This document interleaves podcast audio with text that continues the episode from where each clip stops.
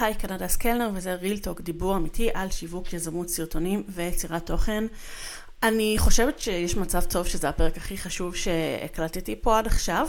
אני מדברת השבוע עם ענת מישר, שהיא מלווה עצמאיות וגם שכירות אה, בהכנה ללידה, אה, בהכנה לחופשת לידה, אה, אם זה ילד ראשון, אם זה ילד שני, שלישי ומעלה. כל מי, ש... מי שהייתה שם יודעת, מי שהייתה שם מבינה עד כמה שזה חשוב, מי שעוד לא הייתה שם אולי עוד לא מבינה ואין, והיא הכי חייבת לשמוע את הפרק הזה. אני חושבת שדי ברור שלהביא ילד לעולם זה אה, האירוע הכי משמעותי שקורה לנו בחיים, למי שבוחר להביא ילדים. אמ, וחייבים להתכונן לזה, חייבים להתכונן לזה, לא משנה אם את עצמאית או גם אם את שכירה, ועל זה אני וענת דיברנו, איך להתכונן על זה, אה, איך... אה, איך לחיות במצב, בתודעה ש... אמ, של לא להיות קורבן, של לא להרגיש שאת מקריבה את עצמך בשביל האימהות ולהרגיש שאת בשליטה על הסיטואציה. אני דיברתי הרבה על החיים האישיים שלי, כי זה תמיד נושא שיש הרבה מה להגיד עליו. בהקשר הזה, על, הש, על השוני הזה של מי שאת לפני שאת אימא ואחרי אימא, אחרי שאת אימא. על הבעיה של אה, נשים שרגילות להסתמך על חיזוקים חיצוניים. אמ, שזה מאוד בעייתי בהקשר הזה, ובכלל, אני פמיניסטית, אז אני לא אומרת את זה, אני אומרת את זה בכאב, כי אני, אני מרגישה את זה על עצמי, ואתם תשמעו את זה בפרק, שזה משהו שעולה שוב ושוב, על הלגיטימציה שאנחנו צריכות לחיות, אנחנו צריכות לחיות מתוך לגיטימציה, לנהל עסק, להיות בעלות עסק, להרגיש שהעסק שלנו שווה ערך, ולא איזה משהו, לא איזשהו תחביב. ובכלל, אפשר, האם אפשר לעבור הריון בלי שהוא יפגע בקריירה שלנו? מה, מה צריך לעשות? איזה, מה צריך אה, להודיע לרשויות? האם אני יכולה לעבוד בזמן שאני בחופשת לידה? האם אני יכולה לשווק? Uh, באמת, שאלות סופר דופר חשובות, אז אם אתן לפני לידה, אחרי לידה, בחופשת לידה, מתכננות, uh, או חברות שלכן, או, או גברים שגם בסיטואציה הזאת, בבקשה תקשיבו לפרק, סופר דופר חשוב, באמת, אני מדברת מתוך הכאב של עצמי, שלא עשיתי שום דבר ממה שעשיתי, שאנחנו מדברות עליו בפרק, ושילמתי על זה הרבה מחירים עד היום. מעולה, מה שלומך? טוב, יחסית, בסדר, אני יודעת. לא כן. דיברנו הרבה זמן. לא דיברנו המון זמן. אה, היית ב... מתי היית? היית ב... נראה לי במחזור השני שלי של התוכנית ליווי. במחזור הראשון. הראשון? בפיילוט שעשית, כן, הראשון הראשון. כבוד. מה שלומך? אז את לא היית בתוך הטיקטוק, אז היחסים שלך עם טיקטוק היו אה, מורכבים. את דיברת על זה, את אמרת שאת לא סגורה, את לא יודעת, וזה, זה היה ממש עוד לפני הטיקטוק. את, את עשית כאילו shift משמעותי. יפה שאת זוכרת. אני זוכרת את זה כי זה נורא מרגש אותי כל פעם מחדש, שאני אה, קוראת, רואה, שומעת משהו נורא אותנטי. כאילו, את, את תמיד אותנטית, אבל זה היה משמעותי בשבילי לראות את זה. אז חמודה. אה, זה, זה היה בזמן הקורונה, אז כאילו... יש אה, מצב. זה, זה בטוח היה בזמן הקורונה, כי אני זוכרת שגרנו כבר בבית הקודם שלנו בפרדס חנה, וכאילו זיו היה צריך לצאת עם הילדים לאנשהו, בשביל שאני אוכל להעביר את זה בקלות. וכן, אה, קטע, לגמרי, עבר, עבר הרבה מאז. כן. לא, את עשית ממש... כאילו יכול להיות שאת לא מרגישה את זה כל כך, אבל אני כמי שרואה אותך מהצד, את עשית כאילו טרנספורמציה. זה לא דומה למה שהיה קודם, בשום צורה. אה, נכון, קודם כל נכון, אבל מבחינתי התקופה הזאת זה לא, זה לא התקופה שהטרנספורמ... שהטרנספורמציה העיקרית הייתה היית צריכה להכיר אותי לפני.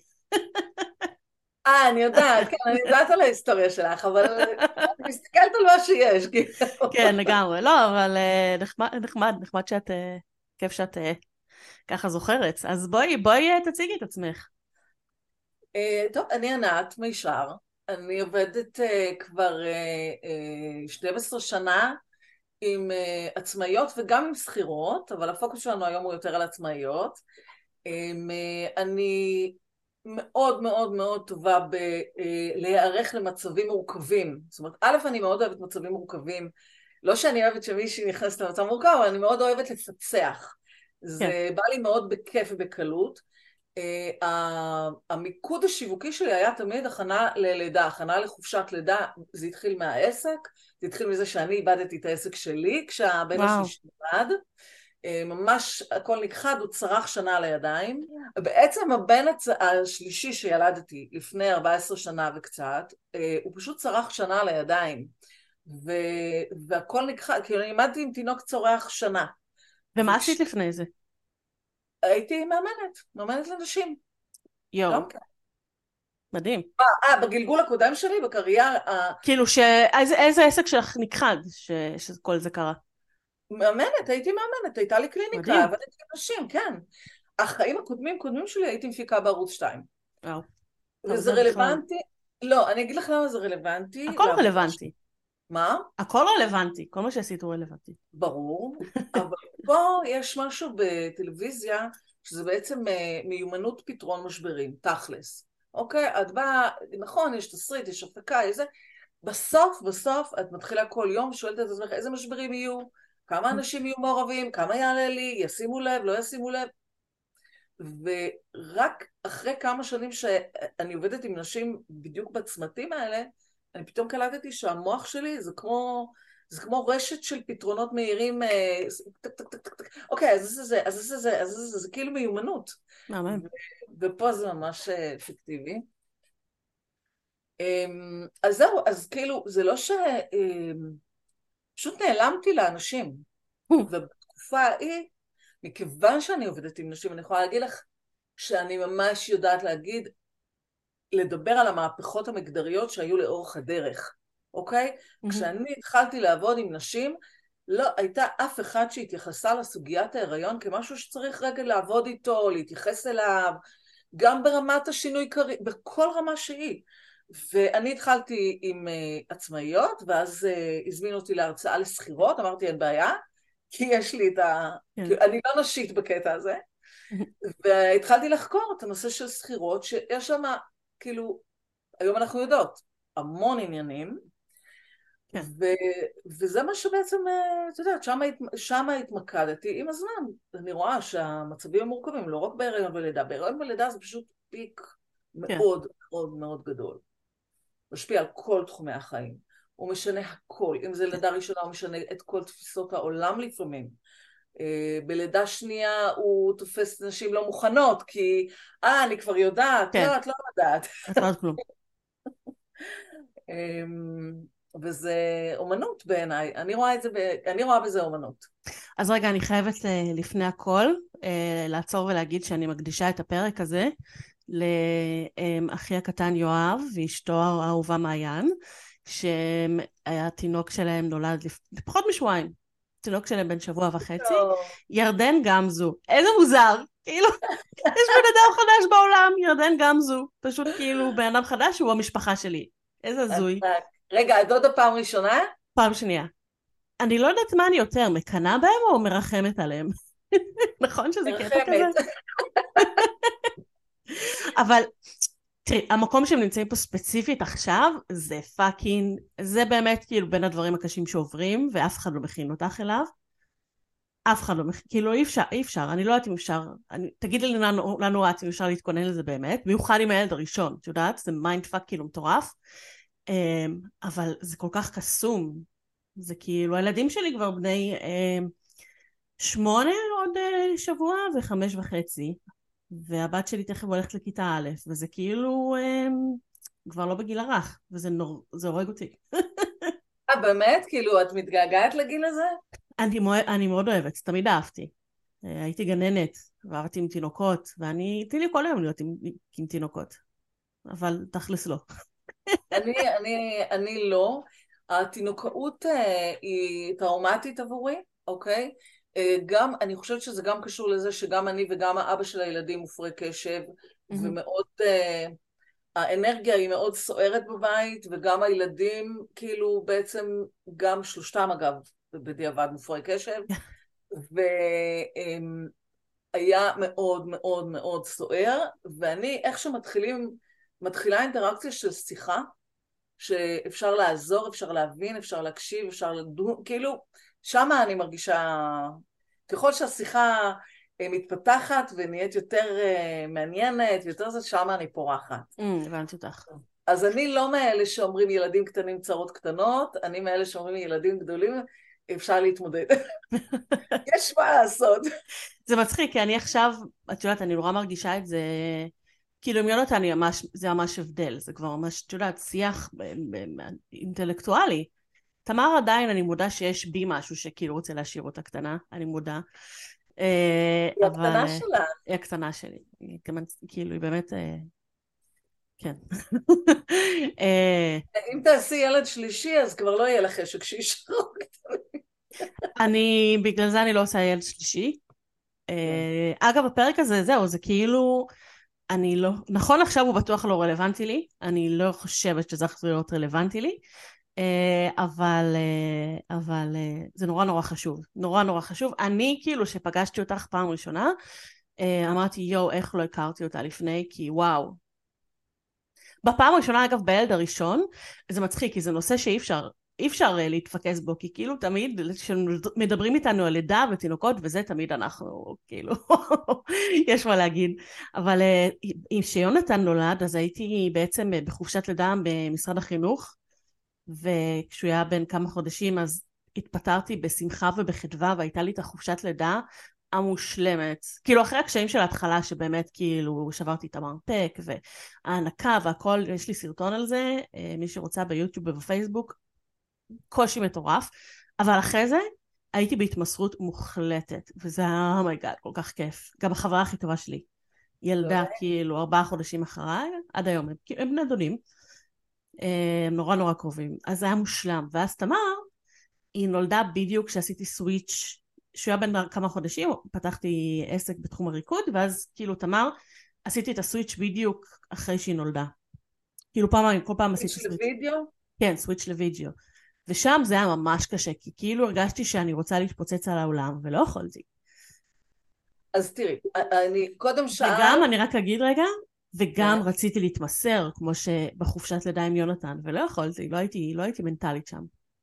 אבל את לא יכולת כי, כי זה היה לא בסדר, כי היית צריכה גם וגם, או שלא יכולת כי זה פשוט לא בא מבפנים, באופן כאילו... כי אני רצי, רציתי לעבוד, רציתי לפתח את העסק שלי, מצאתי זה. את הייעוד שלי אחרי יותר משלושים שנה, שהרגשתי שעסקתי בדברים שגרמו להרגיש מאוד רע עם עצמי וכמו כישלון ובן אדם, בת אדם עם מוסר עבודה נמוך כל מיני כאלה זה כל הדברים שחשבתי על עצמי לפני. ואז מצאתי את הייעוד שלי ורק רציתי להתפוצץ אבל הייתה לי תינוקת בבית. מצד שני גם רציתי כאילו רציתי לא לרצות לעבוד רציתי לרצות להיות איתה. היא גם הייתה תינוקת באמת לא שיונתן לא כן? אבל היא הייתה גוש היא הייתה, כאילו הייתה מתוקה בקטע שהוא מוגזם. גם יונתן, שזה לא, זה תמיד נשמע על זה, אבל היא באמת, כאילו, את יודעת, תינוקת כזאת שמנמנה עם עיניים כחולות ודלדלים בלונדינים, והיא הייתה מתוקה, חייכנית, לפני שהיא נהייתה בוסית, היום היא מנהלת את כולנו פה, את לא מבינה, היא כאילו המלכה של הבית.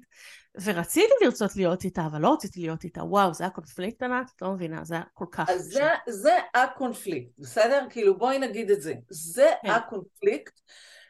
שהוא בא לידי ביטוי בכל מיני אופנים, לפעמים, אה, בוא נגיד כשאת מציגה את זה ככה, זה הליבה של הקונפליקט, הרצון המנוגד, הפיצול הזה, אני רוצה ימינה ואני רוצה שמאלה באותה מידה, ואז אני בעצם לא פה ולא שם. וזה עד היום הקונפליקט הזה, זה לא שהקונפליקט הזה נעלם. הוא ממשיך לנצח גם היום, יש לי בן אחד שהוא בן 20, בן הגדול בן 21, הבן אולי 22 כבר. הוא משוחרר? הוא השתחרר. לדעתי אז הוא התגייס. זה יכול להיות, נכון, נכון, נכון. כן. ועכשיו, בשביעי בדצמבר, עוד שבוע וחצי, הבן השני מתגייס. oh my God. זה יום הולדת של הבן שלי. לאן הוא מתגייס? דובדבן. אה. לא, אבל אני לפחות מתנחמת בזה שיש להם מסלול ארוך, אז את הזוועה כן, נכון. שעכשיו הוא לא יעבור. נכון. אמ, תקשיבי, זה לא נגמר אף פעם. אני כאילו מסתכלת על היומן שלי בשבועיים האלה, ואני אומרת, לא, אני אפנה את הימים, אני לא אפנה את הימים, אני, שובת, אני לא אשבץ, אני זה, אני זה. כאילו, זה לא נגמר נקודה, בסדר? אני, זה חשוב מאוד להגיד את זה. מה שעוד מאוד רלוונטי אצלי בבית, שלא נגמר ולא משתנה, זה הבלגן. כן. החוסר סדר. וזה מעידן הקורונה המאוד מאוד הידרדר, מתקופת הקורונה, שהילדים היו בבית וזה, זה נכון, הם לא תינוקות. אני לא צריכה לטפל בהם, להפך, הם היו מכינים לי אוכל לפעמים וכולי, אבל אני מפרעת קשב, אני, אני, הסדר החיצוני הוא הסדר היחידי שיש לי בחיים. Okay. אוקיי. אם אין סדר, אז אני, זה מאוד מאוד משבש את הפעילות שלי. אבל אם רגע נחזור להיערכות והאם אפשר, השאלת השאלות היא האם אפשר להיערך לחופשת לידה, אז התשובה היא כן ולא, בסדר? כי את לא באמת יכולה לדעת מה יהיה, את לא יודעת איך תרגישי, את לא יודעת איזה תינוק יהיה, את לא יודעת אה, אה, כמה, את יודעת, אתמול פגשתי מישהי שאמרה לי, את יודעת, אני אחרי חודש כבר ספרתי את הדקות לחזור לעבודה. Yeah. ואמרתי לה, והיא שכירה, אז אמרתי לה, למה לא חזרת? אז היא אמרת לי, לא, זה, זה נראה רע, אנשים היו מקבלים oh. את זה, כאילו, משמעים ביקורת, וזה נכון, נכון, אנשים כאילו, אין להם גבולות בקטע הזה. אז את לא באמת יודעת שום דבר, אף פעם, במיוחד לא לגבי חופשת לידה, עם כל כמה שזה ידוע וברור וכולי.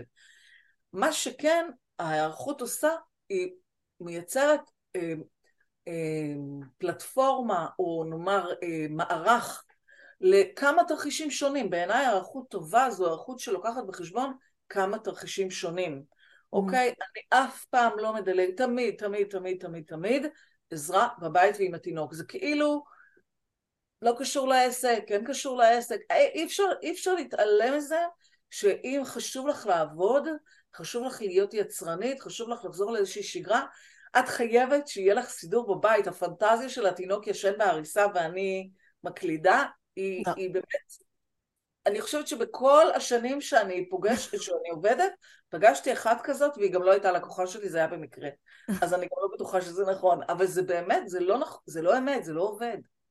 לא אצלי הייתי יכולה ללכת עם יונתן לקניות, גם עם תמר קצת, זה גם משהו.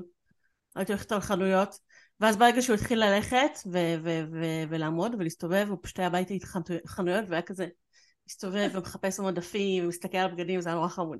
אבל הקלינר... נכון. תחשבי אבל, תחשבי אבל כמה פוקוס היה לך עליו תוך כדי שהוא הסתובב והיה אה, חנות חנויות. ואז תנסי רגע לדמיין שאת באותה סיטואציה בחנות עם אותו ילד, אבל את המוכרת, נגיד. אז את עסוקה בלקוחות, ואת עסוקה בזה, ובחשבון. זה עולם אחר. הפוקוס שלנו, ברגע שהוא הוא, הוא, הוא, הוא, הוא לא עם הילד או הילדה או התינוק, אז אוטומטית זה נהיה יותר מורכב. מיידית, בשנייה. אמ, אז מה ההיערכות הזאת בעצם אומרת? קודם כל, לעצמאיות זו הזדמנות לעשות איזשהו סדר בדק בית. גם להיפרד מלקוחות לא מוצלחים, כי יש דבר כזה לקוחות שהם אה, מאוד, אה, אה, אני יודעת, לא. דורשים לא. יותר אנרגיה וזמן ועשייה, לקוחות שפחות מעריכים או מעריכות, פחות נעים לך איתם, הם לא משתלמים, הם כן משתלמים, זה פעם אחת. פעם שנייה מוצרים. זאת אומרת, אני תמיד, אגב, לפני כמה שנים טובות עבדתי הרבה מאוד עם, אה, עם מקדמות בדיגיטל של פייסבוק, אינסטגרם וזה, וזה תמיד היה ניהול דף, זה תמיד היה המוצר הכי יקר, בסדר? Mm-hmm. כאילו הכי, משת... הכי לכאורה משתלם, ואז היינו פותחים... וואי, זה הכי לא משתלם בעולם. בדיוק. ואז אני, יש לי טבלת, אה, כאילו קובץ אקסל שאני מאוהבת בו, לכל מה שצריך בשביל להבין את התמחור. ואז היינו בודקות את השעות, וזה יוצא 20 שקל לשעה, 30 שקל, כאילו זה לא משתלם. Yeah. כן. פתאום יש איזה מין נפילת הסימון. אז, אז האשליה הזאת שיש לי מוצר נורא יקר והוא הכי שווה לי למכור אותו, לא בהכרח. לא בהכרח, זו הזדמנות לעשות את כל הבדיקה הזאת. אמ, עוד הזדמנות שיש, שהיא מאוד משמעותית לעצמאיות, זה להכניס עובד או עובדת. קודם כל זה קשה רגשית, צריך להבין את זה. זה רגשית, רגשית זה קשה. שתיים, הרבה פעמים אנחנו מחפשות כולנו, כן?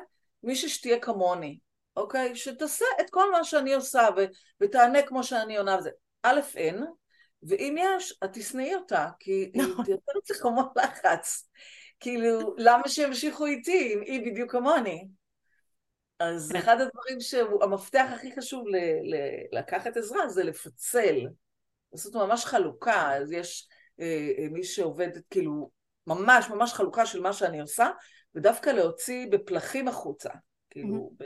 בתחומים מאוד ספציפיים, אבל זה תהליך, וזה, את יכולה להתחיל מזה שאת רוצה לקחת מישהי שכירה, ואז תוך כדי את אה, אה, מתחילה לעבוד, ואת אומרת לא זה לא מתאים לי, ואת רוצה פרינס, זה תהליך, צריך להבין איזה תהליך, זה תהליך יצירה, הסתגלות, אה, התרגלות, כאילו, וכל הדבר הזה, כשהוא נעשה לפני שמגיע התינוק, אז קוטפים את הפירות.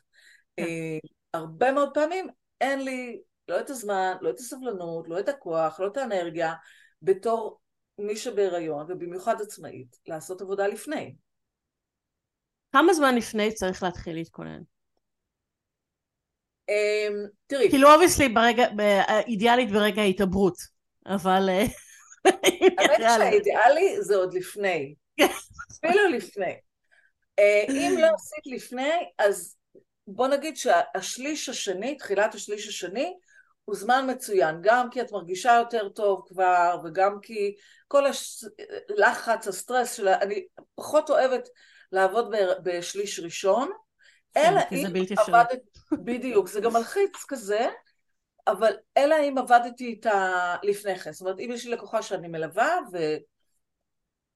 ואז גם נכנס להיריון, אז ברור שנמשיך, אבל העדפה שלי היא או לפני או מהשליש השני, אבל המון עצמאיות מגיעות לתהליך אה, מהיר מהיר בחודש שמיני, תשיעי, תמיד יש עבודה לעשות ותמיד עדיף שהיא תהיה לפני הלידה ולא אחרי. זאת אומרת, אחרי הלידה זה... אחרי הלידה זה כאילו זהו, לא? מה את יכולה לעשות כבר אחרי הלידה? פשוט אה, לכבות שריפות. נכון, וגם אז אפשר לעשות סדר, אוקיי? נגיד, אה, זה לא אותה עבודה, זה כבר לא היערכות. זה לא צודק, כיבוי שריפות, זה ל- ל- לעשות תעדוף, ל- לראות איך, איך אני מתנהלת בתוך הכאוס, אמ, אבל זה מאוד ישראלי. כן. יש לומר. אה, התרבות שלנו היא כזאת, היא הסמוך ויהיה בסדר, תראי שלא נדע אירועי הזוועות העולם, כאילו, לא. יהיה בסדר. לא, לא יהיה בסדר. יהיה בלאגן. אה, במקרה של עצמאית בהיריון, הבלגן הוא במידה שאפשר הרבה פעמים להכיל אותה, לפעמים זה מקריס את העסק.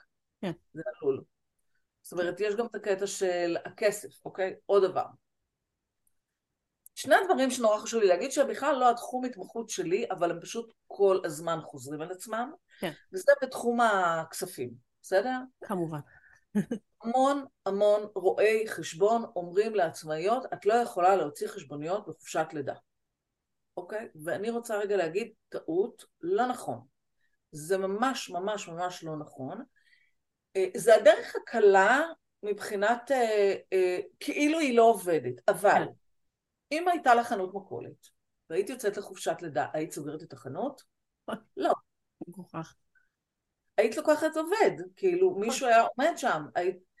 חנות מכולת זה לא משהו שאת יכולה לסגור לשלושה חודשים, איבדת את הכל, זאת אומרת הנזק הוא בלתי הפיך לפעמים.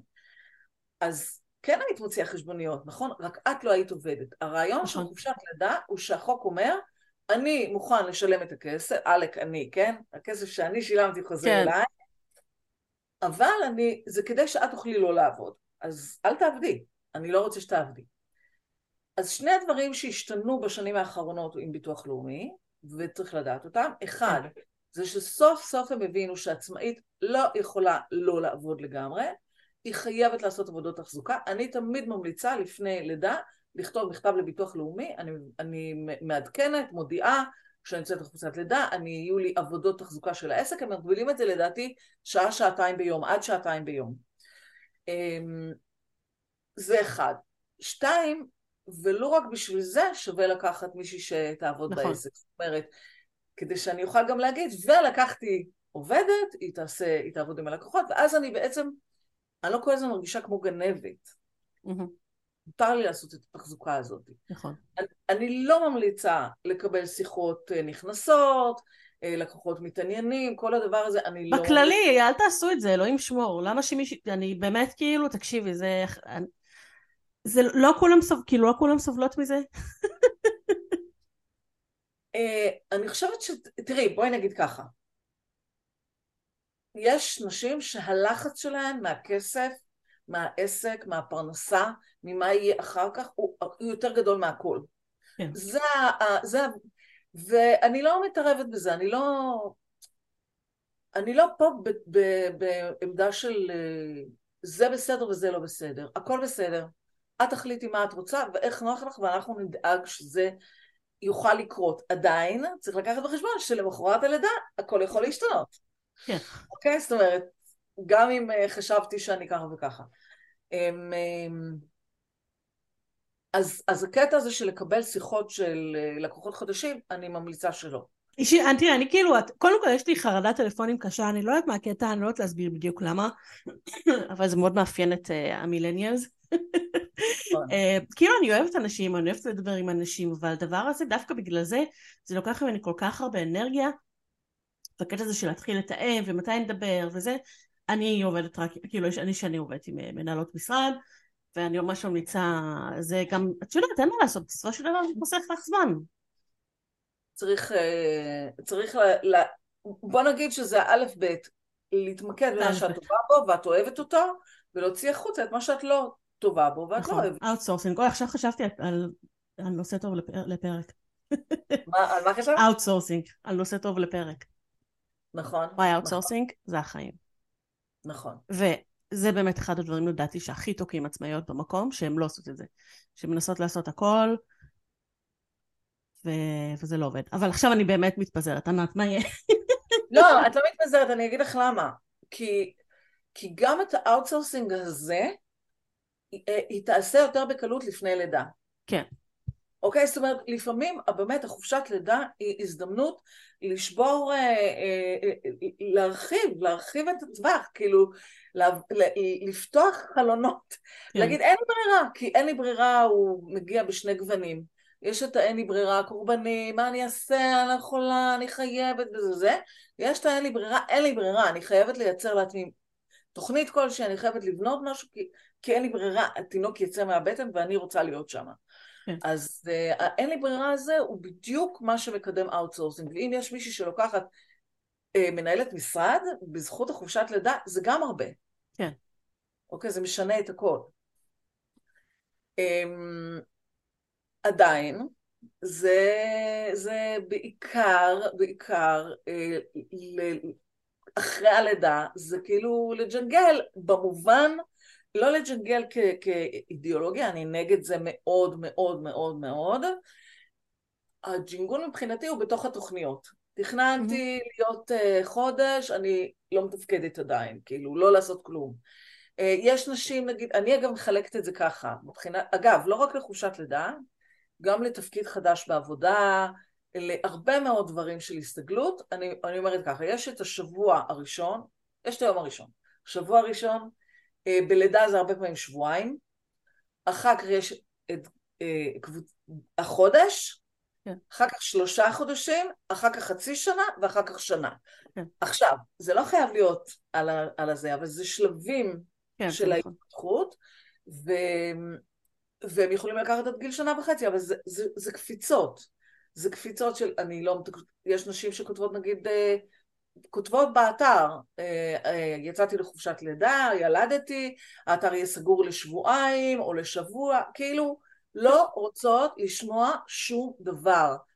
אחלה. אני אוהבת את זה מאוד, אני חייבת להגיד. אני כאילו, כשאני פוגשת אה, נשים שהן בהיריון, או זה, או עצמאיות וזה, אני אומרת להם, אני מאחלת לך שהכל יהיה על הזין שלך, ושהעסק לא תחשבי עליו בכלל, ושתתענייני רק בתינוק. זה האיחול, זה כאילו, לפחות בהתחלה, כן? אבל זה שוב חוזר לקונפליקט הזה. אבל זהו, כאילו, תחשבי שהכל יהיה על הזין שלך, ואת בלידה השנייה, בעצם כאילו, הלב שלך היה מפוצל, כאילו... כן, כן, כן. היו נכון. שני תינוקות. בגלל זה, בגלל זה, אבל אני הייתי, כאילו, נכון, כי אני יודעת את הכאב, כמה זה, זה כואב, זה, זה, זה, זה כואב. כי את מרגישה, כאילו, זה לא מה שרציתי, אני רציתי להיות עם תמר. היה לי את הפנטזיה הזאת בראש, שהיא לא קרתה. שתמר נולדה אחרי שלושה שבועות ככה, שיונתן, יונתן כאילו באמת, זה היה חופשת לידה, עשיתי את כל השטויות שעושים בחופשת לידה, הלכתי למפגשי אימהות, ולג'ימבורי, ולהפעלות בקניון, ותמר כאילו, וכאילו מבחינתי חשבתי שהחופשת לידה השנייה, אני כזה פשוט ממשיכה איפה שיצרתי בחופשת לידה הראשונה, ואני זוכרת שכאילו תמר הייתה בת שלושה שבועות, והייתי כזה, הלכתי לאיזה מפגש אימהות כזה באיזה פארק, ו... ונורא חיכיתי לזה, ונסעתי, והגעתי לשם, ו... רק כאילו רציתי לברוח, עניין לי את התחת מה שיש להם להגיד, ממש לא עניין אותי לשמוע אותם, ממש לא עניין אותי לדבר איתם, ממש לא עניין אותי כלום, כאילו, ולא עשיתי את זה, זה הפעם הראשונה ואחרונה. ו... אבל מה כן עניין אותך? מה כן עשה לך טוב? לעבוד. בדיוק, את מבינה? בעצם, אני רגע רוצה להתייחס לזה שנייה. את הגעת ללידה שנייה עם, ה, עם הסיפור של הלידה הראשונה, אוקיי? ואמרת, אני רוצה כזה, אני רוצה כמו שהיה לי. את לא היית כזה, את לא היית, את לא, את לא באמת היית, את רצית לשחזר משהו שאת כבר לא יכולה לשחזר אותו. הוא, הוא לא חלק ממך באמת. ולדעתי, בסיטואציה כזאת, אם יש עבודה, גם עבודת הכנה, כי אז יש עם מי לדבר, mm-hmm. אז בעצם צריך למצוא את, את, ה, את התמהיל הנכון, שכאילו גם להיות מצד אחד, אם תאמר, במידה שאני, מתאים לי באמת, שאני כן. יכולה באמת להיות שם ולא תיאורטית להיות שם, אה? וגם לבקש עזרה ולהיות בעסק ו- ו- ולהריץ את זה ולגלגל את זה ולקדם את זה. זאת אומרת, אי אפשר להיות בשני מקומות בו זמנית, אבל גם אין טעם לנסות לשחזר משהו שהוא לא תופס כבר, מבינה? שתביני אגב, בסוף תמר רק בגיל שנה וחצי נכנסה לגן. אבל מה שהיה לי מזל, אה, בכללי המזל שלי בחיים האלה, זה חברה הכי טובה שלי, יעל, אז היא בדיוק הייתה בין, אה, הייתה בין תינוקות. אז היא הייתה, היא הייתה מטפלת של הבת שלי. היא אוקיי, בחינוך... Okay, בתקופה שלפני הגן. כן, כן, כאילו הייתי מביאה אותה אליה. היא, החברה, היא, יעל, היא כאילו, הקונפליקט הזה של עבודה והורות, הוא לא קיים אצלה. כי היא מבחינתה, ברור לה שהיא, ההורות זה הדבר שהכי כיף לה. היא גם עובדת, היא מדריכת הורים, כאילו העבודה שלה זה, זה, זה, זה, מה שהיא, זה מה שהיא עושה גם. ואני נורא מקנאה בה, הלוואי, והייתי, כאילו הלוואי, והייתי כאילו ב, ב, בראש רוצה להיות בחינוך ביתי ו- ולהיות איתם כל הזמן. אני לא יודעת איך היא עושה את זה, זה ממש יוצא דופן. אה, ממש. למה הלוואי שהייתי רוצה? למה הלוואי שהייתי יכולה? למה? כי שאני עם הילדים, כי שהיום העבודה נגמר, אני מתבאסת ממש. ממה? שיום העבודה נגמר ואני צריכה ללכת להיות אימא. אה, אז למה הלוואי שהייתי רוצה להיות יותר אימא, אם כשאת הולכת להיות אימא ונקראת כי אם, אם הייתי רוצה להיות אימא, אם היה מעניין אותי להיות אימא, אז לא הייתי מתבאסת שיום העבודה נגמר, הייתי כאילו שמחה ללכת להיות עם הילדים. אבל יום העבודה נגמר, הכי בכנות, אני כאילו מחכה לרגע שהם ילכו לישון ו- ואני אוכל לחזור לעבוד. וזה נורא מבאס אותי, ומצד שני, ואני כן אוהבת להיות איתם, את מבינה?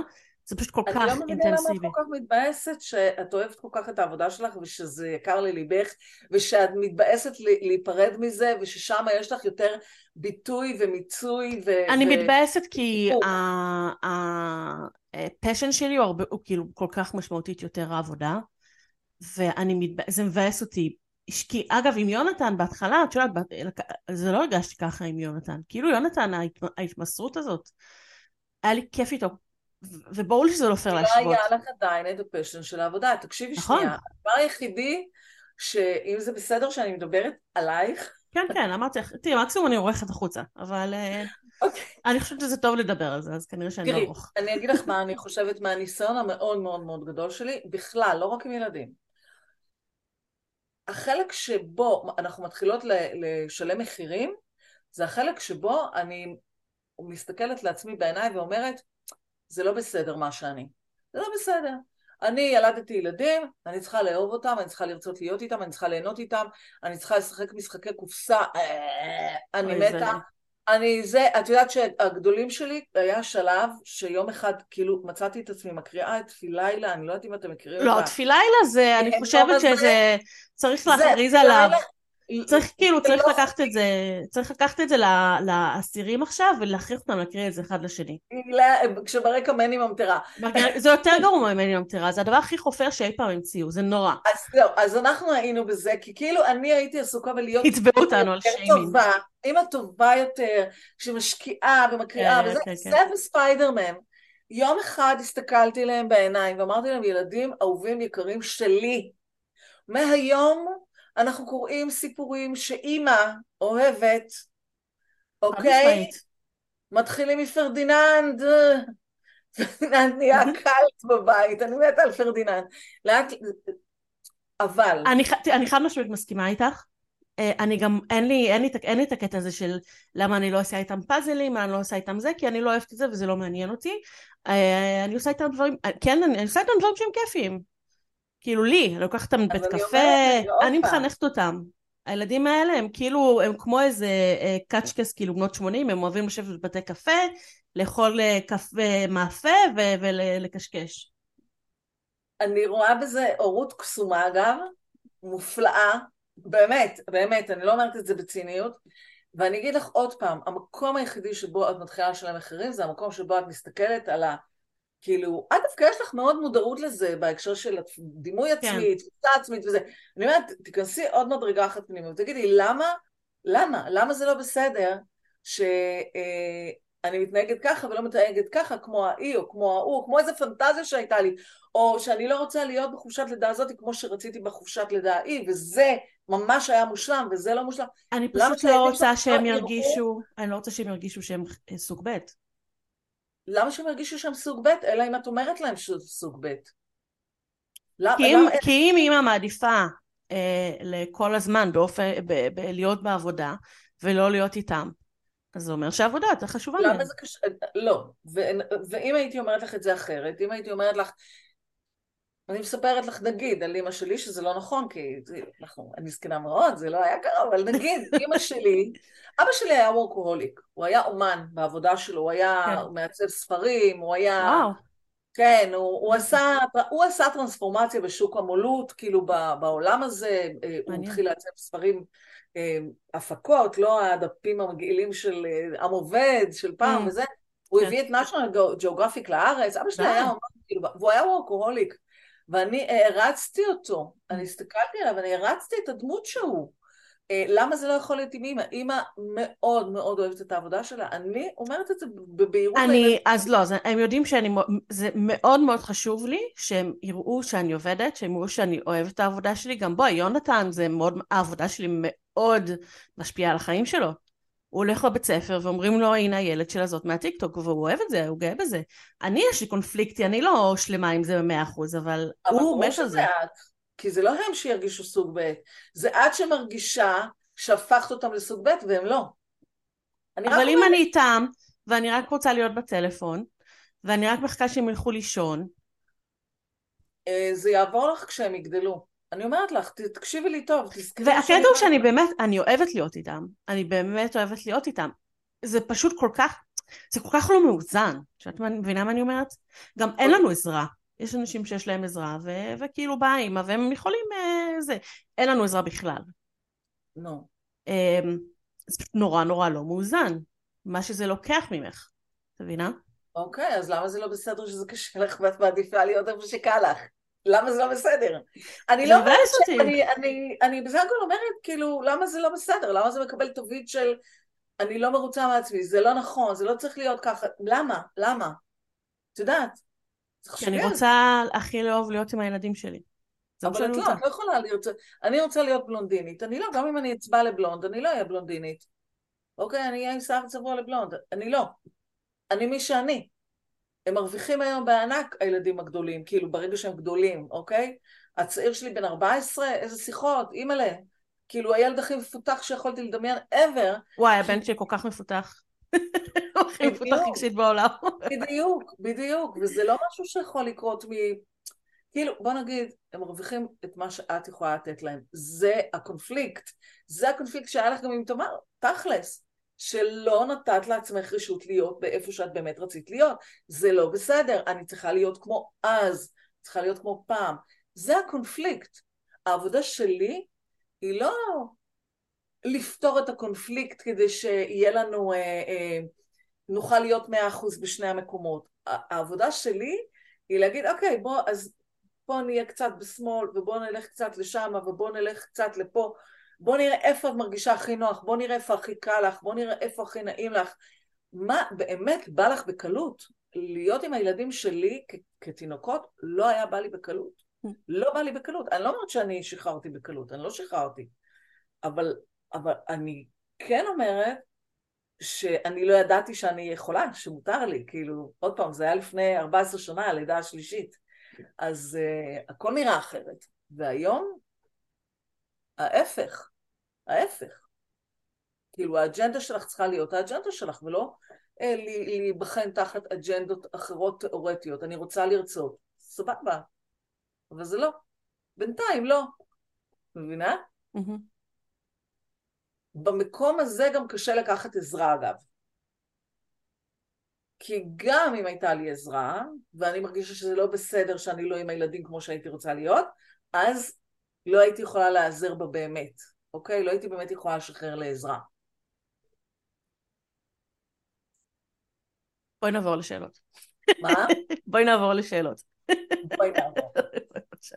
אגב, הילדים שלי גם מאוד, אה, מאוד אוהבים ללכת לביגודית, אני חייבת להגיד את זה. כי, כי אני נורא גאה בזה. אז אה, הם, תראי, איפה שאת מביאה אותם למה שאת, הם ב-I. כן. זהו, זה המפתח, אין משהו אחר. אין לך מישהי אחרת להתחפש אליה, מותק. זה תמיד יהיה את בסוף.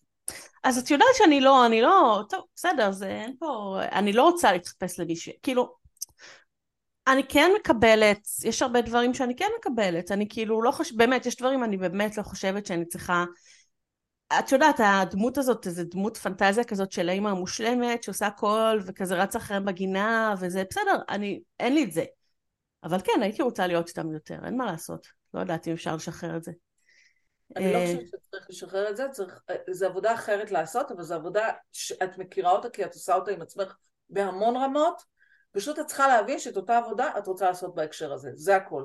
את ספציפית, את עושה את העבודה הזאת, את מלמדת נשים לעשות את העבודה הזאת ברמות אחרות, ואז מה שאני אומרת זה, יש פה עוד משהו.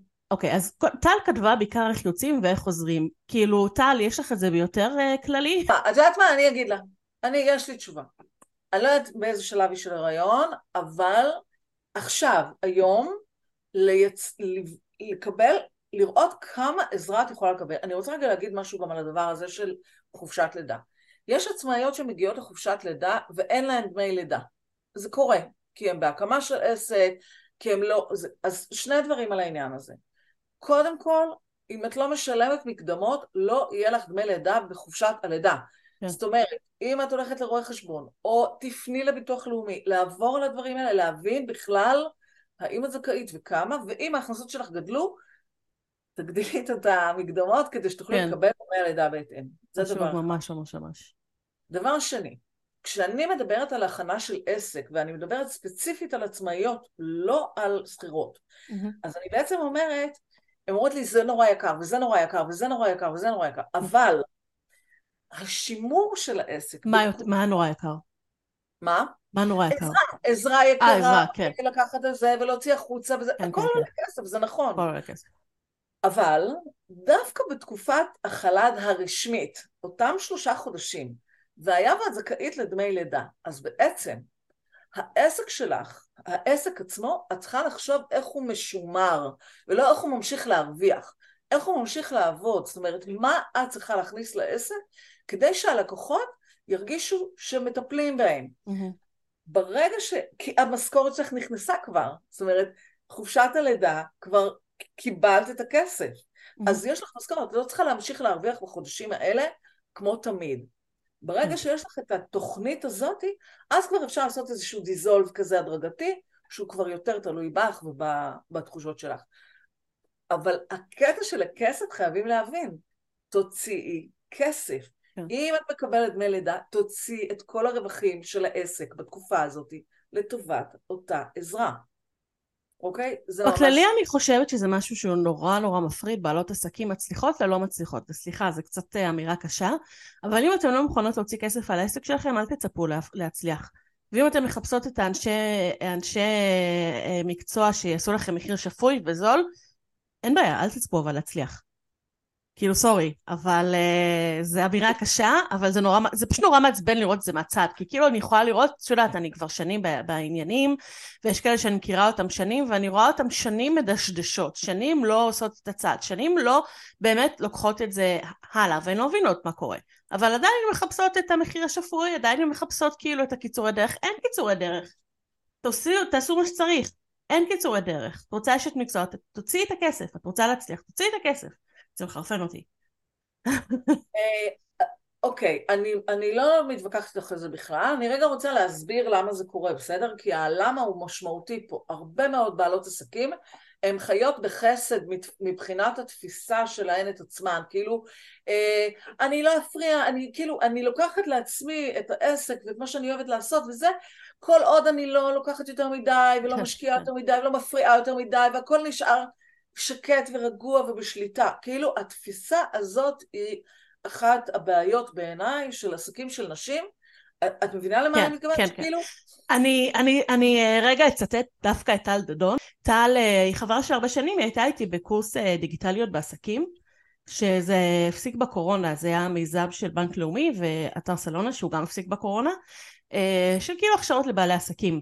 וחלק מהקטע שם זה היה לכתוב בלוג. אז אני ממש זוכרת משהו שטל כתבה, שהוא היה ממש ממש חכם, שהיא כתבה שכאילו אף אחד לא מתייחס לעסק שלך ברצינות עד שאת לא מוכיחה, מוכיחה יכולת השתכרות. כאילו עד שאת לא מראה שאת מרוויחה כסף, יסתכלו עליך כאילו זה תחביב, שזה נורא נורא נשי, כי אם גבר היה אומר אני בהקמה של העסק שלי, העסק שלי עוד לא מרוויח, אבל אני בתהליך הקמה, לא היו, לא, לא היו מסתכלים על זה ככה. אבל נשים זה חמוד, זה תחביב. במיוחד אם זה תחומים כאלה, נשים של לייפסטייל וזה, זה כאילו, בואי, תראי לנו כסף ואז נתחיל להעריך אותך. אני רוצה, אני רוצה ללכת עוד צעד אחד קדימה מהאמירה הזאת. גם כשהעסק מרוויח כסף, לא תמיד יתייחסו אליו כאל מרוויח כסף. אני, יש לי לקוחה שבעלה היה מובטל, כאילו כבר לפני הרבה זמן בתקופת הקורונה, פוטר, לא מצא, כן מצא, לא מצא, ויום אחד היא באה ואמרה לי, תקשיבי, העברתי לחשבון המשפחתי את, ה, את הזה, והוא בא אליי בבוקר ואומר לי, מה? העברת כל כך הרבה כסף? מה את מעבירה?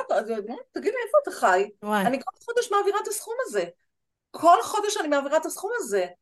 כאילו, על מה אתה מדבר? מה אתה חשבת? שאני יושבת ומשחקת כן. פה? כאילו, כן, מה? כן, כן, כן, כן. אז, אז, אז אני אומרת, אם אני רגע רוצה לטלטל את, ה, את העגלה, אז אני אומרת, אל תצפי לזה שמישהו מבחוץ יבוא ויתייחס לעסק שלך ברצינות, אוקיי? בדיוק. גם כשתכניסי כסף, גם כשלא תכניסי כסף, אף אחד.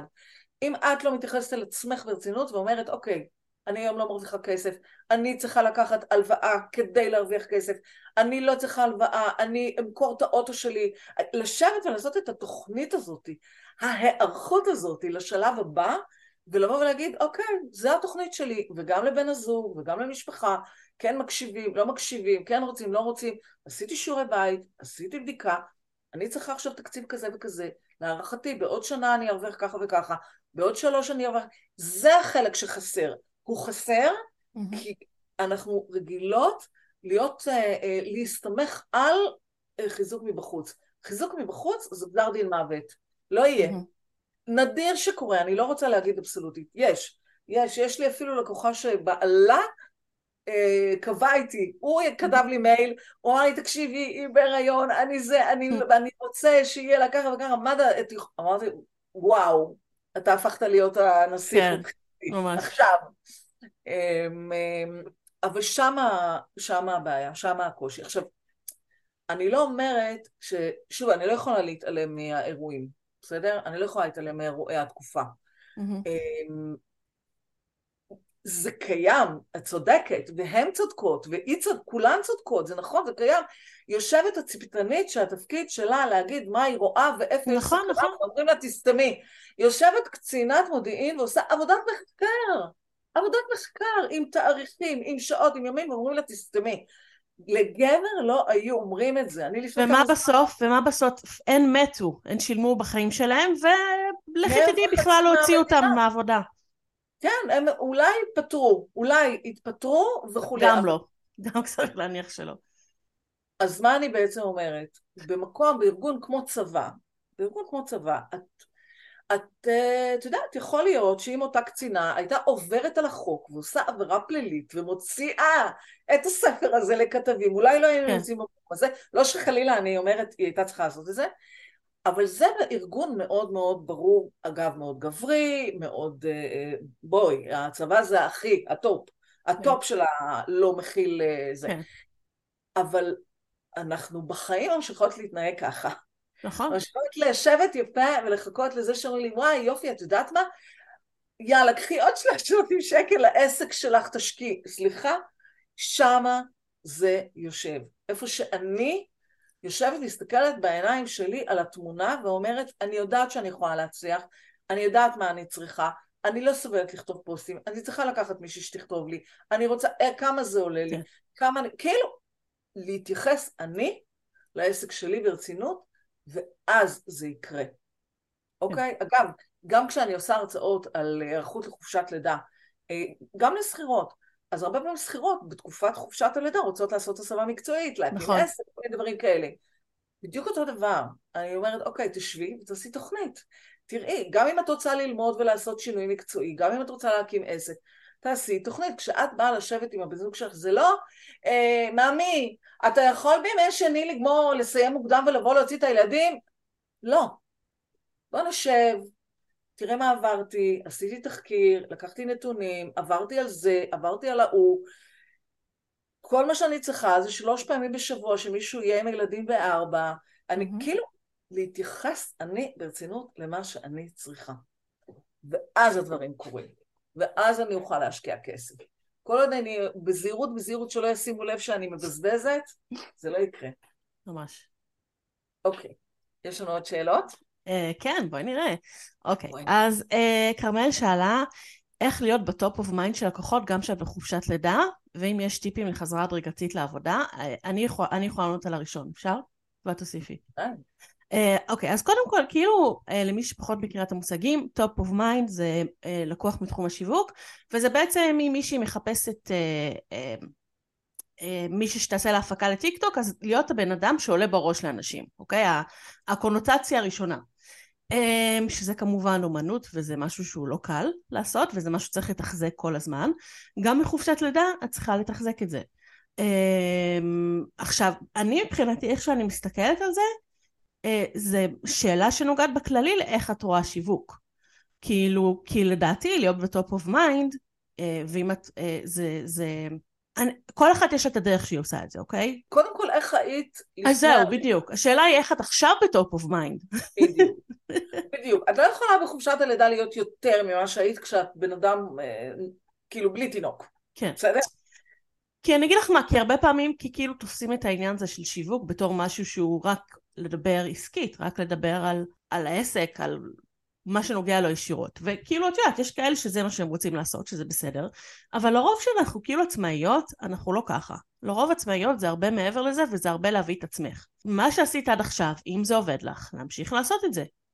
אה, אז... נראה לי שהבעיה היא שכאילו אולי היא חושבת שהיא צריכה, שעכשיו כאילו, את יודעת, נגיד, לפרסם עבודות. את מבינה? אז היא אומרת, אוקיי, אז איך אני מפרסמת עבודות? תוך כדי, קודם כל, האם זה, אה, האם זה, האם זה, גם מישהי פה שאלה, האם מותר לעשות פעולות לתחזוק כמו העלאת תכנים לרשתות וקידום ממומן. זה מתחבר למה שענינו, אבל בואי אה, בכל זאת אה, נענה על זה ישירות. אז, אז תראי, אז אני אגיד כמה דברים. כשמישהי שואלת אותי שאלה כזאת, איך עדיין להיות ב top of mind, אני רגע עוצרת שנייה ובודקת. האם את עכשיו ב top of mind? בוא נתחיל מזה. האם את מדברת איתי על לשמר משהו שקיים, אוקיי? אם את מדברת איתי על לשמר משהו שקיים, אז את צריכה למצוא את האופן שבו את תישארי ב top of mind של הלקוחות שלך, גם אם זה לא עסקי, בדיוק כמו שאמרת לפני רגע, אוקיי? והיה, ואת יכולה להקיא מהמחשבה הזאת שאת צריכה עכשיו לעשות סרטונים ולעלות לטיקטוק בחופשת לידה, אז אני ממליצה לשחרר, אוקיי? לעשות כמה סרטונים לפני אולי, להכין את עצמך מראש, ולהגיד, אה, לא יודעת, לבחור נושאים שאת יכולה לתאר, שהם לא קרו אתמול בבוקר, כאילו, כן. שהם לא הכי חמים שיש, להכין לך משהו שמישהו אחר יעלה, כי זאת ההיערכות, לקחת בחשבון שלא יבוא לך לעשות את זה. מבחינת החוק, אני חושבת שזה בהחלט עונה על ההגדרה של אה, אף אחד לא יודע מתי צילמת את הסרטונים, זה לא זה, זה בהחלט עונה על ההגדרה תחזוקה של העסק, כן. אפשר אפילו לכתוב ספציפית, אם מישהי יודעת שהיא חזקה ברשתות והיא יודעת שהיא מכינה סרטים מראש, לכתוב את זה. אני רוצה לעדכן שאני מכינה סרטים מראש, יהיה לי מי שמעלה את זה, אני ממשיכה להיות, וכן, אני רוצה לעשות עבודת תחזוקה. אז, אז כן, השאלה, מה זה אומר כשאת נמצאת ב top of mind של הלקוחות שלך בחופשת לידה, ומתחילים להתקשר ולרצות שירותים. כן. אז אם, אם יש לך מענה לזה, אז סבבה. אם לא, אז, אז אולי כדאי לה, להוריד טיפה, ולקראת החזרה להעלות. אז זהו, אז כאילו זה, אני, אני יכולה להבין את החשש מלחשוב שאת יודעת, שישאלו אותך, שיפנו אלייך ואת צריכה להגיד להם לא, כי אני עובדת עכשיו. כי אז מה? אז ימצאו מישהי אחרת. אבל או שאת כאילו, או שאת יכולה למצוא, לעשות לדבר הזה, למצוא מישהי אחרת שעובדת איתך, ולהקים איזשהו, אה, את יודעת, מערך בשביל לתת את השירות, אבל שלא את עושה את זה, שזה בכללי משהו מומלץ, נראה לי. כן מומלץ או לא? מומלץ, ברור שהוא מומלץ. אה, או שאת כאילו אומרת, אוקיי, אני משחררת. אני, אין לי, אין לי, אין, כאילו, אין, אין פתרון קסמים. אבל אני אגיד שבגדול, זאת ההיערכות. זאת אומרת, יש מי שתגיד לי, את השתגעת שאני אעביר למישהי אחרת, שאני אעשה שת"פ עם קולגה? בחיים לא. אין בעיה. אוקיי. האם את יכולה להגיד, אני כן, אני אשמח לעשות את העבודה בעוד שלושה חודשים, בעוד חודשיים, זאת אומרת, אני יכולה לקבל את ה... כאילו לדחות את זה. האם את לוקחת מישהי שתעשה חלק מהעבודה ותתחיל? את צריכה לעשות בחירות פה. וגם עוד דבר אחד על הכסף, שקודם העלית אותו, ואני העליתי אותו, ואנחנו נמשיך להעלות אותו, כי תחשבי על שכירה שיוצאת לחופשת לידה. היא יוצאת נכון. לחופשת לידה בתשלום, ואחר כך למה היא יוצאת? לחל"ת, נכון? נכון. היא יוצאת לחופשת לידה ללא תשלום. היא מראש יודעת שיהיו לה שלושה חודשים עם משכורת, ואחר כך שלושה חודשים בלי משכורת, ואולי אפילו עוד חצי שנה בלי משכורת. אז מה זה אומר? זה אומר שכל הקונספט של החזרה ההדרגתית הוא לגמרי נמצא כאן. אם הפחד לא מנהל אותי, אם הפחד mm-hmm. לא שולט בי, אז אני כן יכולה להגיד, אוקיי, אחרי שלושה חודשים, אני באה ללקוח אחד ביום, הלקוח הכי חשוב שלי, אה, לקוחה אחת חדשה, אני כאילו מראש מסתכלת מה הדברים. מאפרת פעם אמרה לי, הדבר הראשון שאני חוזרת אליו, הייתי בהלם, זה היה ממש מזמן, היא אמרה לי, הדבר הראשון שאני חוזרת אליו זה איפור קלות. אמרתי לה, תגידי, את השתגעת לצאת בערב, בלילה וזה? אז היא אמרה לי, לא, איפור קלות זה, זה, זה כמו אדוות במים. את מאפרת קלה אחת, ואז מגיעות כל החברות, ואז הן מכירות אותך, אז כאילו... משהו שהוא הראשון שהיא תרצה לחזור אליו, זה גם הכי כלכלי, הייתי בשוק וקיבלת את זה, סבבה. אז היא תרצה לצאת לעבוד בלילה, זה יהיה לה קשה, כן. זה, אבל זו החזרה ההדרגתית שלה. בוודאי שאפשר לחזור בצורה הדרגתית. יש לך הרבה יותר אפשרויות כעצמאית לחזור הדרגתית. כן, את תרוויחי פחות. בואי, את תרוויחי פחות, צריך להבין את זה, זה אי אפשר גם וגם וגם וגם וגם. ספורות יודעות את זה. אני חושבת שכאילו בכללי התשובה היא פשוט כל מקרה לגופו, אבל חשוב שתשאלי את עצמך איך את עושה את זה. בדיוק. כי אני מבחינתי להיות ב top of mind, בואי, אם היית, תקשיבי, אם הייתי עכשיו נכנסת להיריון, היית הכי בטופ אוף מיינד. ענת, הייתי כאילו, שלא תדעי. מתפוצצת. הייתי מתפוצצת אפילו, הייתי מיל... זה כאילו, זה כאילו אני חותמת עכשיו על מיליונים של צפיות. כאילו, אין מה לדבר. אני מסכימה איתך. אבל, מה הנקודה הראשונה שאנחנו מתייחסות אליה? עכשיו. אוקיי? את עכשיו, כמו שאת היום, מה שאת עושה כרגע, נכון. היית מתפוצצת, אוקיי? למרות שאני לא יודעת אם את זוכרת, אבל uh, אני כאילו, כל התחלה של העסק זה הכל, כל הסרטונים והכל זה עם תמר. היום אני, היום אני מסתכלת על זה ואני בוכה, באמת בוכה. כאילו למה? זה מדהים לי, כי זה מרגש אותי לראות את זה, זה אה, כאילו... בהתרגשות. את יודעת, כן, אוקיי. לא, בהתרגשות, לגעגוע, זה כן. כאילו, את יודעת, זה משהו שאת עושה בזמן אמת, ואת לא קולטת איך את תסתכלי על זה אחר כך. את מבינה? נכון. נגיד היום אני כבר יודעת שאני אסתכל על זה, שעוד חמש שנים אני אסתכל על מה שאני עושה עכשיו עם הילדים, ואני אגיד יואו איזה קטנים, איזה חמודים, אבל אז עוד לא קלטתי את זה. פשוט צילמתי אותה, כי היא הייתה שם, את מבינה? והיא גם הביאה צפיות. גם צילמתי אותה, וגם אמרתי, הנה תמר, היא הביאה צפיות, אז הבאתי אותה שוב. אמרתי את זה. אז, אז בדיוק, נקודת המוצא, את לא יכולה לפני תקופה כל כך מאתגרת, להחליט שאת uh, מתחילה לרוץ מרתון. כן. בסדר? זה לא יקרה. אם רצת מרתון, אז כן, תרוצי. בדיוק כמו ספורט. בדיוק כמו ספורט. שואלים, כשאת באה ושואלת הרופא האם אני יכולה לעשות, לעשות ספורט בזמן הריון, אז הוא אומר לך, את יכולה לעשות מה שעשית עד עכשיו. את לא יכולה להתחיל פתאום להתאמן לאש את הברזל. בדיוק. בדיוק. וזה משהו שאנחנו חייבות להבין, בסדר? כי הרבה פעמים אנחנו, בלי להתכוון, אנחנו רוצות להיות אחרת. כאילו, אבל בחופשת לידה אני אהיה אחרת, אני אהיה... נכון. אני אהיה יותר טובה, אני אהיה... לא, פחות, הרבה פחות. את לא מבינה שזה בדיוק להפך. אז בעיניי... ענת, את רוצה לשמוע משהו מטורף? כן. כשיונתן נולד, הוא היה בן שלושה שבועות. היה קשה, קשה, קשה, קשה. שוב מזכירה, אין לי, אין, אין, אין, אין לי עזרה, וגם אז לא ממש הייתה לי. אמ, ואני שברתי את המרפק.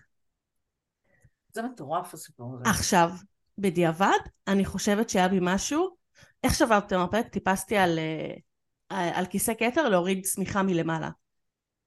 ואני זוכרת שלרגע עברה בי המחשבה אולי לא כדאי לעלות על כיסא כתר שאני שוקלת איזה 100 קילו וכאילו זה הדבר הכי לא יציב בעולם ואני חושבת שהיה בי משהו שרצה שמשהו יקרה את מבינה מה אני אומרת? כי אני כל כך רציתי עזרה והייתי צריכה עזרה ולא היה לי אותה ולא היה לי מי לבקר וכאילו לא קיבלתי גם לגיטימציה לזה את מבינה? כי את לא מקבלת לגיטימציה הרבה פעמים כאילו בעלי היה, את יודעת בעלי היה איתי אבל אחרי שבועיים הוא חזר לעבוד ובאמת, ענת, לא היה לי כלום. לא היה לי כלום. Um, ואז הכריח אותי לקחת מישהי בתשלום שהייתה איתי כמה שעות כל יום עד שזיו חזר, uh, ו... ולא הייתי לבד. ולא יכולתי, לא היה, היה בי משהו לדעתי שלא לא קיבלתי את הלגיטימציה, אז כאילו היה בי איזה משהו שה, התת מודע שלי עשה הכל בשביל לקבל את מה שהייתי צריכה, את מבינה? שזה נורא.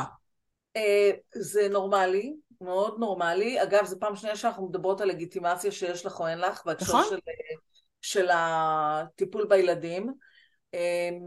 מאוד נורמלי. אני ממליצה לקבל את הלגיטימציה לפני ששוברים את המרפק.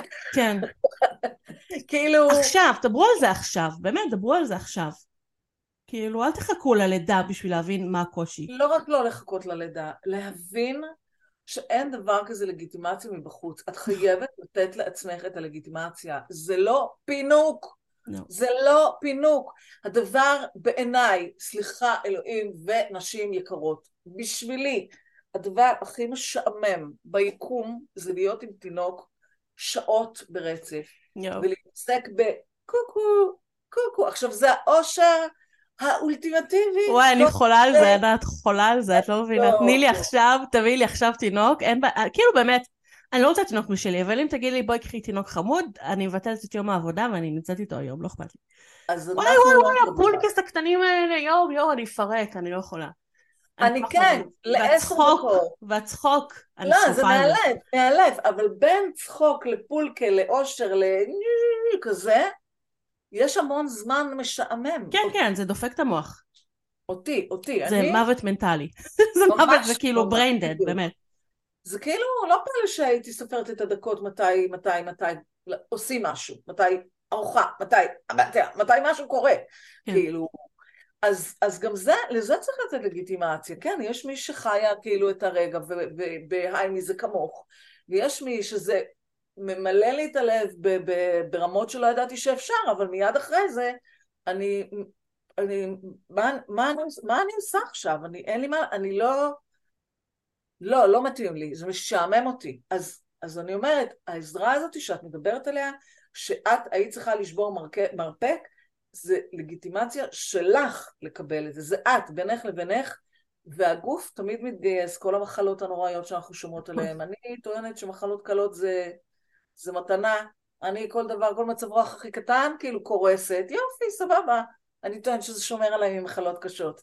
כן. אז אה, לא לחכות לזה שהגוף יעשה את זה, זה לא, ברגע שאת מרגישה, זה לא בסדר שאני א', ב', ג', ד', תמצאי מישהי שתעזור לך להרגיש בסדר, או מישהו, או את עצמך, משהו, תיקחי ליווי, תיקחי ייעוץ, תעשי משהו כדי להרגיש שאת בסדר, זה הדבר.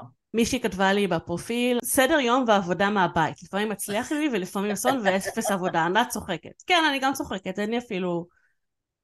אין לי מה להגיד. כן, זה לא קורה. בוא את נגיד... לא, את לא יכולה, אין כזה דבר סדר יום, שאת עם תינוק שהוא גם עבודה וגם... אין, אין כזה דבר. זה לא קיים. אני, אני אומרת, צריך להתייחס לזה כמו אה, אינטרוולים.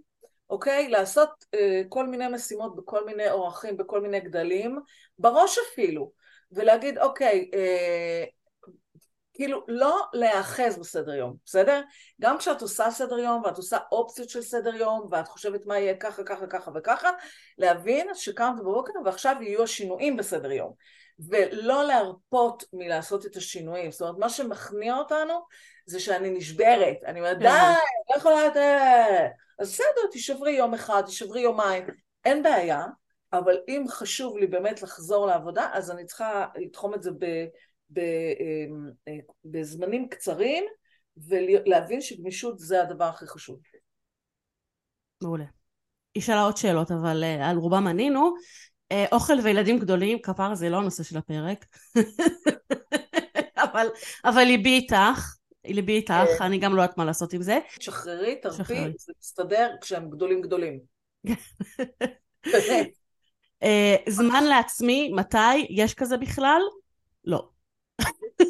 לא, תלוי בגיל של הילדים, אבל אני רגע אספר על עצמי, שאני, הזמן שלי לעצמי היה אחרי שהם היו הולכים לישון. ברור. אה, ואז הם גדלו, ואחרי שהם הולכים לישון לא, לא קיים יותר, זה יואו. אחרי שאני הולכת לישון, ובמשך כמה שנים טובות אני הצלחתי לקום בארבע וחצי, כי הזמן הזה לעצמי היה לי קריטי, קריטי, קריטי, ועד שאני מעירה את הילדים היה לי הזמן לעצמי, והקורונה רמסה גם את זה, מכל מיני סיבות, והיום אני מחפשת את, המ, את המסלול החדש של הזמן לעצמי. אבל תגידי, נגיד אני חושבת על עצמי שגרתי עם ההורים והייתי טינג'רית, אוקיי? לא משנה, בסדר, היו לי אחים קטנים, עניין אחר.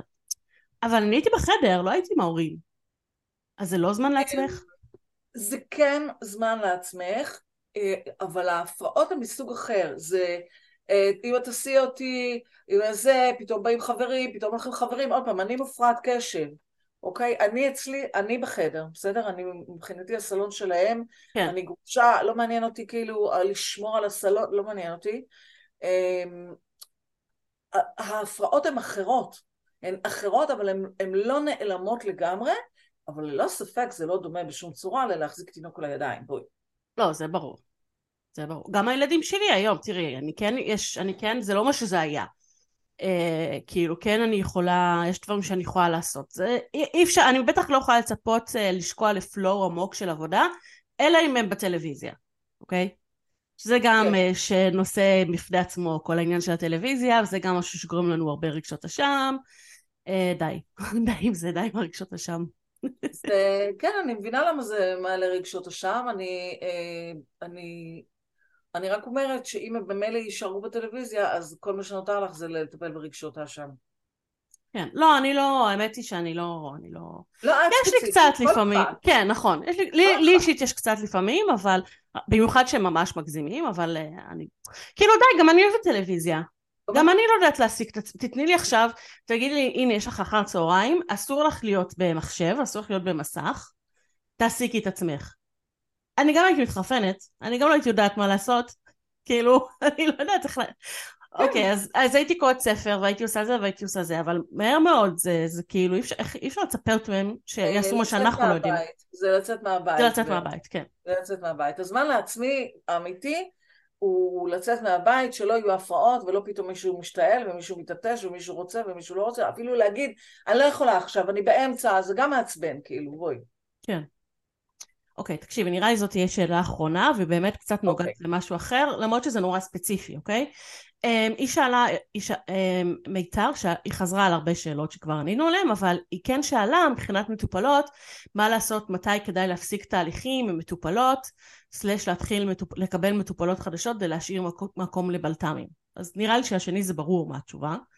לא, כאילו, את לא תקבלי מטופלת חדשה בחודש שמיני.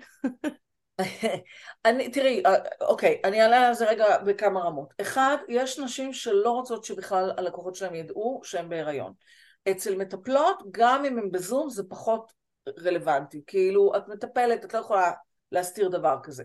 כן. אמ, ואז זה עניין אישי, קודם כל אישי. איך את מרגישה אל מול אותה מטופלת. אם היא מטופלת קיימת, ברור שהייתי ממשיכה אותה כמה שיותר, וגם הייתי אומרת לה, "אה, תקשיבי, אני יוצאת לחופשת לידה, אבל בואי נסכם, שאם יש מצב חירום, אם משהו נורא קורה, אם פה, תעדכני, אני אראה אם אני יכולה לעזור, אם אני לא יכולה, זאת אומרת, זה מערכת יחסים הרי בסופו של דבר. לגבי לקוחות חדשות, אם יש לה תהליכים קצרי מועד, אז כן, אני לא ממליצה לקחת תהליך קצר מועד לחודש שביעי שמיני, שצריך להיפסק ואז להמשיך עוד חודשיים אחרי זה, זה לא פייר. אבל גם לתת ללקוחה לבחור, מותר לה לבחור, ומבחינת הלחזור, אנרגיה ללקוח חדש זה לא אנרגיה ללקוח ותיק. זה לא אותו דבר. את חייבת להיות כנה עם עצמך, מתי את באמת יכולה להכיל את ההתחלה הזאת. יש מישהי שזה מה שמרים לה, יש מישהי שזה מלחיץ אותה. אני אומרת, מאוד מאוד מאוד מחוברת לעצמך ולמה שעושה לך טוב, כי אם את תעשי משהו שהוא מנוגד למה שאת באמת זקוקה לו וצריכה אותו, זה לא יעבוד. ועם מטופלות, זה מאוד נכון. עדין, מאוד מאוד עדין, חייבת להיות במיטבך. זאת אומרת, לא יכולה להסתתר מאחורי מצלמה ולערוך שלוש פעמים את מה שהיית עורכת פעם אחת. את איתה בלייב, אז זה חשוב. גם נראה לי שאין מה לעשות, צריך להבין, ואני אומרת את זה וקשה לי להגיד את זה, שבסופו של דבר אנחנו נשים ואנחנו משלמות מחירים כשאנחנו בהיריון. אי אפשר להתחמק מזה, לא? כאילו, כן, אם אני הייתי הולכת מחפשת מטפלת חדשה, והייתי רואה שמטפלת, כאילו, לא הייתי רוצה, הייתי מעדיפה להתחיל עם מטפלת שהיא לא בהיריון, בואי דוגרי, שאני יודעת שעוד כמה חודשים, כאילו, אולי לא תהיה זמינה לי. לא? כן, אם כי, אם כי, מהניסיון שלי, כשמחפשים דווקא מטפלת, זה מאוד אישי. מאוד מאוד מאוד מאוד אישי. ואם אני מקבלת המלצה מהאנשים שאני סומכת עליהם, mm-hmm. והם יגידו לי, אלא אם כן אני במצב חירום, אבל רובנו mm-hmm. עושות דברים עם דיליי, אני לא כאילו, אוי, אני צריכה להיות פסיכולוגית, מחר אני בטיפול. לא, אנחנו מורחות את זה ומושכות את זה וזה. לא יקרה שום דבר. בעיניי, אם באותו רגע אה, אני יכולה להכיל את התחייה הזאת ואני אחכה לה. אני כבר חיכיתי mm. אגב, אני חיכיתי. זה, זה, אני לא ממציאה את מה שאני אומרת עכשיו. והקטע של המחירים, אני חושבת שהמחיר הכבד שאנחנו משלמות הוא על, ה, על הספליט, אוקיי? Mm. על הרצון המנוגד הזה, על זה שאני, נאמר ואני נשואה לבן זוג שיבוא ויגיד, עזבי, מהיום שהתינוק יוצא ממך, מהרגע שהוא יוצא, עליי, אני, אין, את תשאבי, רק תשאבי וזהו עליי, אני לא רואה הרבה נשים שהיו, יש כאלה, זה מהמם, אבל הרוב המכריע רוצות את זה, אבל יש גם הפוכים שאומרים אין בעיה, את רוצה, את מרוויחה, את זה, את זה, את זה, אני עם הילדים. את יכולה? כן. שאלה, שאלה. הרגע אמרת לי שאת היית אה, בחופשת לידה עם תמר וחצויה לגמרי. נכון, צודק. אבל זה יהיה משהו אחר אם אני אדע שהוא איתם. טוב, אולי זה לא. טוב, צודקת, לא יודעת. זה שאלה, זה שאלה, זה לא כזה פשוט. כי השיח הוא, הוא ביני לביני. האם זה בסדר שאני, נות... שאני מעבירה את הילדים שלי ל... ל... לאבא שלהם? לא משנה. אני בסדר? זה בסדר? זה כאילו... וואי, זה באמת אחד ה... לי, כאילו, יודעת, זה נורא מבאס. זה, נור... זה מבאס לחשוב על זה. שיש כאלה שחושבות אני בסדר, שאני נותנת לילדים עם אבא שלהם. כן, אני... כן, כן, זה אבא שלהם. אבל, אבל אני מגזימה רגע, האם זה בסדר שאני מושכת את ידיים מטיפול בילדים ומעבירה את זה לבן הזוג ויוצאת בשש בבוקר, חוזרת בשבע בערב. לא, אבל זה גם לא בסדר אם הוא עושה את זה. נכון. אני רק... מה שאני מנסה להגיד זה שהמחיר הזה שאנחנו משלמות הוא לא רק מחיר חברתי מהחברה, כן. אוקיי? ש... אלא הוא גם המקום שלי, הרצון שלי להיות משמעותית עבורם, להיות נוכחת עבורם, להיות האימא שאני מאמינה שאני צריכה להיות, זה לא רק מבחוץ, זה גם מבפנים. ו- וזה המקום שאנחנו יכולות להשפיע עליו. כל השאר, אין. רק אני, וכל אחת שמשפיעה על המקום שלה, לחיוב, עושה חסד לכל המגדר. נכון. כל אישה שעושה בחירה בעצמה אם זה לעבוד, אם זה לא לעבוד, אם זה לפצל, אם זה לא לפצל, אם זה לקחת כסף, אם זה לא... לא משנה מה, כל אישה שעושה צעד כזה, נכון. היא עושה צעד לטובת המגדר, נקודה. נכון. ולילדים שלה. נכון. כי היא שלמה. כן. ככל שהיא שלמה עם עצמה יותר. יש לי, אני לא יודעת אם ראית, יש לי סרטון של, שאני מספרת על משהו שיונתן אמר לי, אה, שהוא אומר לי, אמא, אני רוצה שתהיי בחיים אמיתיים ותפסיקי להיות בפייסבוק ואינסטגרם וזה. אז קודם כל, לפני כמה ימים, אל תשאלו אותי איך, הוא נכנס למחשב שלי, הממזר הקטן, ומצא את הסרטון הזה, ועמד וראה אותו, ואני הייתי כזה, אוי לא, התפסתי אחר. אבל זה היה נורא מצחיק.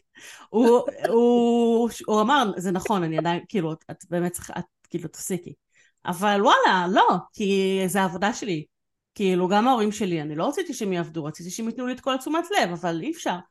מבחינתי זה ממש חשוב שהם יראו שאני עובדת.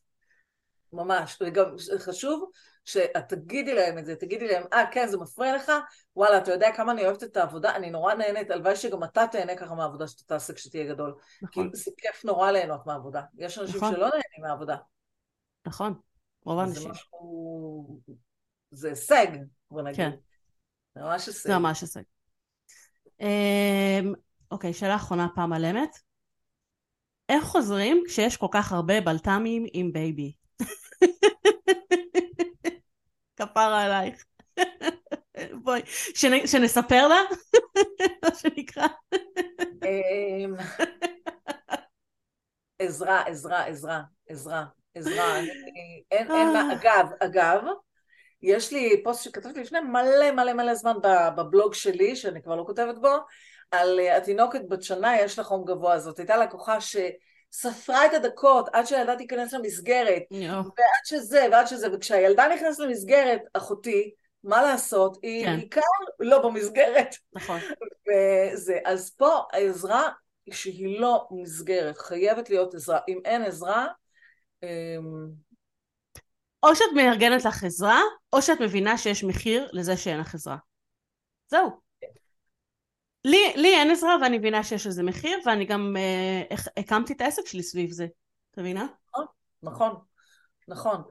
אם העסק שלך הוא מחייב אותך להיות בלי תינוקת, ולא משנה למה, בלי מישהו לידיים, הפוקוס שלך הוא כזה, עורכת דין לא יכולה לשבת עם לקוחות עם תינוקת בהכרח, אולי כן, אולי לא, אז, אה, אז, אז את חייבת שתהיה לך העזרה הזאת, אוקיי? יש לי גם עוד סיפור אחד בבלוג של עורכת דין מאוד מאוד ותיקה, שסיפרה מבוגרת, כאילו גלגול אחר, ובזמנו, את יודעת מה, היא ילדה לפני 30 שנה, אולי אפילו יותר, היא אמרה שגרו באפקה ושהיה לה דיון בבית משפט, ובבוקר איך שהיא באה לצאת, המטופלת מודיעה שהיא לא מגיעה. יואו. היא ירדה עם התינוק למטה, למכולת, נשבעת לך, ליהודה מהמכולת, ואמרה לה, תקשיב, אני, אימא שלי בדרך, היא תגיע עוד שעתיים, אני משאירה את התינוק. זה סיפור היסטרי, היסטרי. אה, היום זה לא היה קורה, היום... לא, אבל מה עולה לך כשאת שומעת את הסיפור הזה? בואי, מה עולה לך? אני עפה עליה. ביקורת. ביקורת, לא עולה לך ביקורת? לא. קודם כל היא מכירה את יהודה מהמכולת, לא, לא יודעת אם את גדלת בעידן שבו המכולת היה חלק מהמשפחה. אני אגיד גם עוד משהו, אם זאת הייתה אה, שמחה מהמכולת, נכון, או... את צודקת, את צודקת. אם זאת הייתה אישה, אף אחד לא היה מרים ככה גבאי, נתתי אותה למוכרת. בגלל שזה יהודה מהמכולת... נכון, את צודקת. אני... לא, אני... את צודקת. תקשיבי, החברה הכי טובה, שוב, יעל, החברה הכי טובה שלי, לפני כמה זמן, היא ניסתה להיכנס, אה, היא מספרת על כל הדברים האלה, זה לא איזה סוד, היא ניסתה להיכנס להיריון, אה, והיא חידנית, יש לה כל פעם בשביל טיפולי פוריות, ולא נכנסת בקלות, ועשו לה, איך קוראים לזה, הזרעה, ועשו את זה לא טוב, והיה לה הריון מחוץ לרחם, והיא הייתה צריכה להגיע לבית חולים כאילו בחירום, והיא הגיעה עם, לבית חולים עם השני הילדים, והיא הרגישה שהיא עוד שנייה מתה פשוט. אז הגיעה לבית חולים, היא הסתכלה מסביב, חיפשה בין אנשים עם ילדים, ראתה איזה אבא עם שני ילדים, אמרה לו, בוא פה רגע, אתה עם הילדים האלה עכשיו, תשמור עליהם. ופשוט נכנסה, וכאילו, ואת יודעת, ובאו וישר עזרו לה והשתלטו על הסיטואציה, והיא באמת הייתה, היא הייתה יכולה למות. כאילו זה לא סתם, היא הייתה יכולה למות בסיטואציה הזאת. זה ממש סיפור אה, הישרדות. זה ממש סיפור הישרדות, כן. זה ממש סיפור הישרדות, ו... אבל דווקא הסיפור של היהודה מהמכולת, יש בו... זה אה, חמוד, זה של פעם קצת. כן, אז סיגל שלימוף, אה, עורכת דין מוכרת וידועה שסיפרה את זה, ויש לה גם תמונה, ו... אז, אז יש, יש מהכל, יש כן. סיפורים. כן, נכון. אה, וואי, אה, מילה לסיום? אה... היה סופר מעניין, אני מרגישה שזה ממש פרק שכולם צריכות לשמוע, כאילו. הלוואי שישמעו, אני נהניתי נורא, אני מאוד אוהבת לדבר, כמו שכבר אמרנו. כן. אה, אני אוהבת לדבר איתך, וכל פעם שאני מצליחה... את יודעת, גרגר של משהו לשלוח החוצה, לאוויר העולם, שאישה אחת תרגיש שזה בסדר, שהיא ככה ולא ככה ולא זה. ממש חשוב. תבחר באמת בעצמה במה נכון לה עכשיו, אז מבחינתי עשיתי את שלי וזה רווח שלי, אני מרוויחה. מאוד נכון. נהניתי.